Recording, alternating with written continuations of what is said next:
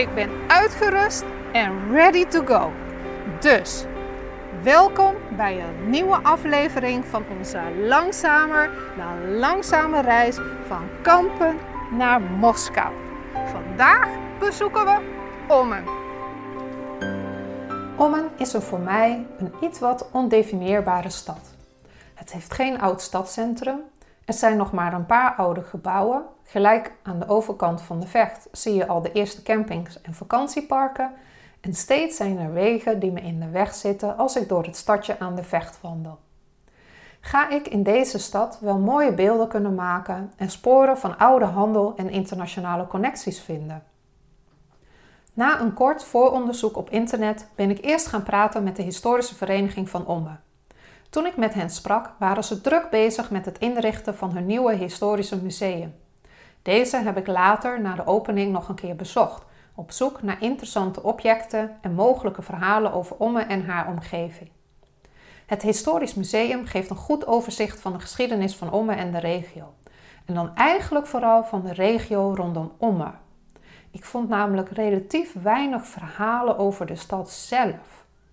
Natuurlijk is er het verhaal van de Ommerbissing en in het museum besteedde men ook aandacht aan een grote brand. Ik zag op basis van dat bezoek toch wel een uitdaging voor me liggen voor deze aflevering. Wat kon ik vertellen over Omme dat was gelinkt aan handel en internationale connecties? Qua verhalen over internationale connecties was er eigenlijk alleen het verhaal van Krishnamurti, die zijn hoofdkantoor had tussen Ommen en Bergentheim. Een verhaal dat veel geschikter is voor de volgende aflevering. Het verhaal van Kamp Labrug was al in de vorige aflevering aan bod gekomen. Dus ja, er leek niet zoveel internationaals te zijn in Ommen.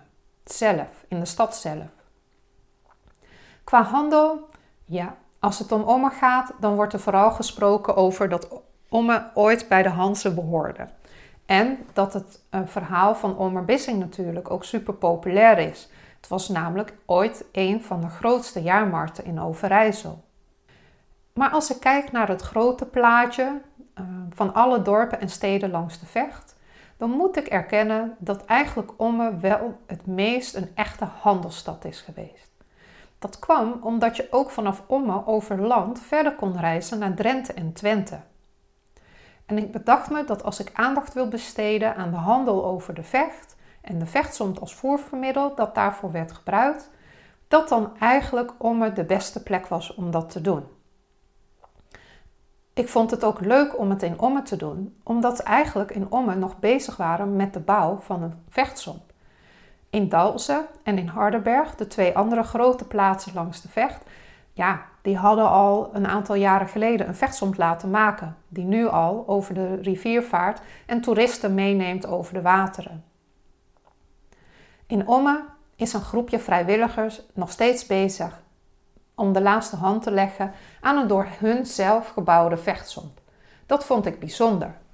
En ik wilde dit keer niet de focus leggen op de boot zelf als voormalig vrachtboot, maar op die vrijwilligers en hun passie voor het project. Wilde hen aan het werk zien, want het bouwen van houten boten is eigenlijk ook een vorm van handel die eigenlijk is verdwenen uit Nederland. Nu heeft het bouwen van boten nooit echt in Omme plaatsgevonden. Dat was in Enter, in een zijriviertje van de Vecht. Maar het feit dat deze oud-timmerlieden bijna twee jaar lang twee dagen in de week werken aan het bouwen van een boot, vond ik toch wel heel bijzonder. Met de focus op Omme als handelsstad, ja, kan ik het verhaal van de Omme natuurlijk de kijker niet doen onthouden. En gelukkig vonden de opnames van deze aflevering in de zomer plaats, waardoor ik ook tijdens de Omme kon filmen. En dat bood een mooie kans om dit te verhaal te verfilmen en een link te maken naar de Omme van vandaag de dag. Na de opnames heb ik een interview gehad met voorzitter Dick Dunnewind. Hij gaf me een doorkijkje ook richting de toekomst van de Ommerbissing en de uitdagingen die ze nu hebben. Hierdoor realiseer ik mij dat als ik het verhaal van de Ommerbissing zo over de jaren heen zie, dat de oorspronkelijke jaarmarkt zich eigenlijk altijd heeft aangepast aan de tijden waarin ze werd gehouden. En omdat ze dat gedaan heeft, is ze vandaag nog steeds de, ja, aanwezig. Alleen is het geen jaarmarkt meer, maar een meerdaags event voor toerist, vooral de toeristen en de mensen uit de regio. En hoeveel voormalige jaarmarkten bestaan er vandaag de dag nog die een link hebben naar de 16e eeuw? Na de opnames heb ik een artikel geschreven over de Ommerbissing door de jaren heen. En ook over hoe de Overijsselse vechtzond is veranderd van een vrachtboot naar een plezierjacht. Je kunt deze artikelen lezen op de website van Van naar Moskou.nl. Maar ik heb ook de linken naar deze artikelen in de aantekeningen van deze aflevering gezet. Tijdens mijn verkenningstocht door Omme viel mij op dat er een aantal kunsthandelaren waren. Mark Smit in het oude stadhuis, Assad Malik Art Studio, maar ook diverse kunstenaars wonen in en rondom Omme met een eigen galerie. In de aflevering over Dalsen heb ik al aandacht besteed aan de kunstenaars zelf in de regio, maar voor Omme wilde ik me meer focussen op de handel. toen stapte ik binnen bij Tom Lucassen en zijn vrouw. Die zijn na hun pensionering een galerie begonnen. En daarnaast zijn ze beiden natuurlijk ook creatief. Hun galerie is in een gewoon huis en het staat vol met schilderijen, keramiek, beelden en glaswerk. Eenmaal binnen en kennis gemaakt te hebben met hen, wist ik dat ik hier opnames moest gaan maken. Want Tom en Dorothy ja, voldoen helemaal niet aan het stereotype beeld wat je hebt van mensen die een kunstgalerie runnen. In de video staan ze dan ook gewoon lekker in een thuisoutfit met mij te praten. Dorothy in een t-shirt met een gebloemde capribroek en Tom in een wijde zomerse blouse en broek. Met aan zijn voeten sandalen. Niks geen chic gedoe. Gewoon down to earth, mooie kunst dat inspireert. En ik werd heel enthousiast van al hun enthousiaste verhalen over de verschillende kunstwerken die ze daar tentoonstellen. Langzaam kwam het besef dat de aflevering over Omme niet vol informatie zou zijn, maar dat juist meer de focus zou komen te liggen op de lokale bewoners. Dat hebben Dorothee en Tom mij heel helder gemaakt. En ook de heren die bouwen aan de vechtsomp. Hun passies voor handel, voor kunst en voor uh, ja, timmerwerk, het hout, ja, is geconnect wel aan de handel. En ja, we hebben het dan niet in deze aflevering over echte commerciële handel en dergelijke. Maar we hebben het over mensen die daar toch uh, zijdelings een affiniteit mee hebben. Dus het verhaal over de handel werd voor mij wel duidelijk. Maar ik miste nog een verhaal waarin de internationale connectie naar voren kwam. Over kunstenaar Assad Malik is al heel veel geschreven, dus hem wilde ik niet centraal gaan stellen. Voor deze aflevering over Omme wilde ik juist graag Joyce interviewen van restaurant Suri Special. Want ik heb in het verleden Omme ooit serieus als een potentiële woonplaats overwogen. En eigenlijk alleen maar vanwege de aanwezigheid van Joyce, die nog voor mij in ieder geval hele herkenbare Surinaamse gerechten maakt, met echte Surinaamse smaken. En toen begon ik me eigenlijk af te vragen, maar hoe heeft ze dat voor elkaar gekregen? Een Surinaams restaurant openen in een overwegend witte omgeving. Inmiddels is haar zaak weer zo groot dat mensen niet alleen bij haar komen eten of eten afhalen, maar dat ze ook een hele grote bezorgservice heeft en op bestelling voor grote groepen koopt. Ik kan wel zeggen dat ze na acht jaar een succesvolle zaak heeft. Ik vond het dan ook heel erg leuk om haar verhaal te horen over hoe zij dat nou heeft gedaan: een Surinaams restaurant openen in Omma. Net als in Dalsen is het oudste gebouw van Omme de kerk die midden in het dorp staat. De oerstenen blokken die je nog in delen van de kerk ziet, zijn echt heel erg oud. Zoals Joke mij zou vertellen tijdens de rondleiding. Dit ijzerhoudende gesteente kwam in de regio vrij veel voor. Boeren en landbouwers hadden er een hekel aan. Maar het was wel geschikt als bouwmateriaal voor huizen en dus ook kerken. In Hardenberg vind je nog een stukje van deze oude oerstenen blokken in de oude stadsmuur. En inmiddels heb ik begrepen dat langs de IJssel een aantal ijzersmelterijen hebben gestaan. Heel interessant en misschien goed om later eens verder uit te diepen.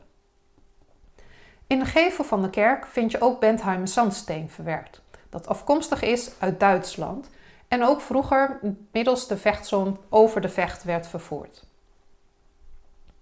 En zo zie je maar weer dat ook een oude kerk in een klein dorp materialen heeft die niet uit de omgeving zelf afkomstig zijn. Ikzelf was vooral onder de indruk van het doopvond. Niet alleen is het erg oud, maar het is ook in het bezit van het Rijksmuseum, die dit voorwerp heeft uitgeleend aan de kerk. Super interessant detail, want ja, hoeveel kerken kunnen nu eigenlijk zeggen dat ze een museumstuk in hun kerk hebben staan? Het enige jammer voor deze aflevering over Omme vind ik dat ik geen innovatief of modern bedrijf heb gevonden, zoals ik dat heb gedaan in Dalsen en tijdens mijn wandeling van Dalsen naar Omme. Ik heb enkele mails uitgestuurd naar bijvoorbeeld ondernemersverenigingen, maar ik kreeg geen antwoord terug. Meestal is Google Maps ook een van mijn grote vrienden, maar ook via Google Maps vond ik eigenlijk geen aanknopingspunten. En de lokale bewoners die ik sprak, konden mij op dat moment geen voorbeelden geven van innovatieve of internationaal opererende bedrijven die zich aan de noordkant van de vecht bevonden. Ik ontdekte nog wel een weg- en grondbedrijf dat werd gerund door een vrouw. Maar ik kon het ontstaan van het bedrijf niet linken aan de vroegere scheepvaart of oude handel. Dus ja, ik kon het niet in het verhaallijn meenemen uh, voor de aflevering. En ook waren zij niet actief op internationaal vlak. Na de hand kreeg ik toch nog enkele tips. Zoals dat van een keukenontwerper in Omme die regelmatig naar Dubai afreist om daar keukens te plaatsen. En zo zie je maar weer, ja, voor een aflevering als dit ben je ook altijd afhankelijk van welke input je krijgt van mensen uit de omgeving zelf. Mijn verkenning van Omme heeft me toch een ander beeld gegeven van de stad. Het is iets meer definieerbaar geworden, zou je kunnen zeggen. Ik besef dat Omme, naast haar toeristische aanbod, vooral gekenmerkt wordt door gepassioneerde bewoners. Want ook de man die de orgel bespeelde in de oude kerk was duidelijk gepassioneerd. En vrijwilliger Joke van de kerk was zeer betrokken en actief binnen de hervormde kerk. En let ook eens op de routine en ervarenheid van ballonnenman John Pelle, die met tomeloze energie de meest prachtige ballonnenpoppen van ballonnen maakt. Passie is dan ook een kernwoord van deze aflevering geworden. De aflevering over Omme is niet alleen vanwege de interviews anders dan onze vorige aflevering. Ik heb ook nu voor het eerst met een script gewerkt. Van tevoren heb ik nagedacht over de overgangen tussen de verschillende onderdelen. Vooral ook omdat we nu geen route hadden, maar op verschillende plaatsen in de stad gingen filmen. Zo wilde ik het verhaal over de handel en de vechtsomp langs de oevers van de Vecht vertellen. Maar ja, de scheepstimmerwerf van de Ommervechtsomp ligt niet aan het water, maar helemaal aan de noordoostkant van het stadscentrum. En dit heb ik dus, doordat ik er van tevoren over heb nagedacht, kunnen oplossen door het geluid van het timmerwerk als een overgang te gebruiken van de ene naar de andere locatie. En dat is het voordeel van het maken van een script. Je kan dan goed nadenken over de overgangen en wat je eerst behandelt en wat je daarna gaat behandelen. Want is het je ook opgevallen namelijk dat ik aan de ene kant de kerk ben binnengegaan op het moment dat het nog heel rustig was in Omme en vervolgens aan de andere van de kant van de kerk naar buiten ga en dan plotseling terechtkom in de Ommerbissing. Verder hebben we van kunst een thema gemaakt dat door de hele aflevering is te zien. Aan het begin zie je het standbeeld van Reinier Paping en de pingwings aan het water, maar ook bij het verhaal van de stadsrechten is bewust een close-up geplaatst van het kleine standbeeld. En zo hebben we nog wat meer wandschilderingen en kunstwerken uitgelicht in de aflevering. Hiermee hoop ik dat je meer een gevoel van eenheid hebt als je de aflevering bekijkt. Waar ik niet tevreden over ben, is dat op sommige punten in de documentaire niet helemaal helder is waarom we een onderwerp uitlichten. Ik denk dat het niet voor iedereen bijvoorbeeld duidelijk is geworden waarom we aandacht besteden aan kunstgalerie Lucassen. Dus hierdoor vond ik het ook best wel spannend om onze aflevering over Omme te publiceren. De vorige aflevering van Dalsen naar Omme was namelijk boordevol bijzondere verhalen, maar ook heel veel informatie. En het was een goede aflevering qua inhoud en vorm. De aflevering over Omme is iets meer gezellig, mensgericht en minder inhoudelijk qua geschiedenis en verhalen. En ik ben dan ook heel erg benieuwd wat eigenlijk mensen van deze aflevering vinden en of ze dergelijke portretten vaker willen zien in onze documentaire serie. Dus ik hoor graag je feedback over onze aflevering van Omme. Ondertussen ben ik alweer bezig met de voorbereidingen voor de volgende afleveringen. En in de eerstvolgende aflevering gaan we wandelen van Ommen naar Marienberg of naar Bergentheim. Het eindpunt weet ik namelijk nog steeds niet zeker. Het heeft allemaal mee te maken hoe ik mijn verhaal wil eindigen en hoe ik de overgang wil maken naar de aflevering daarna, waar we gaan stilstaan bij de, vooral de vervening en de ontginning van het gebied tussen Marienberg en Hardenberg. Ik weet in ieder geval wel dat ik voor de aankomende afleveringen meer dan genoeg verhalen heb. En ik kijk dan ook heel erg uit naar de opnames van onze nieuwe aflevering. Hoe die gaat heten, dat hoor je in de volgende podcast.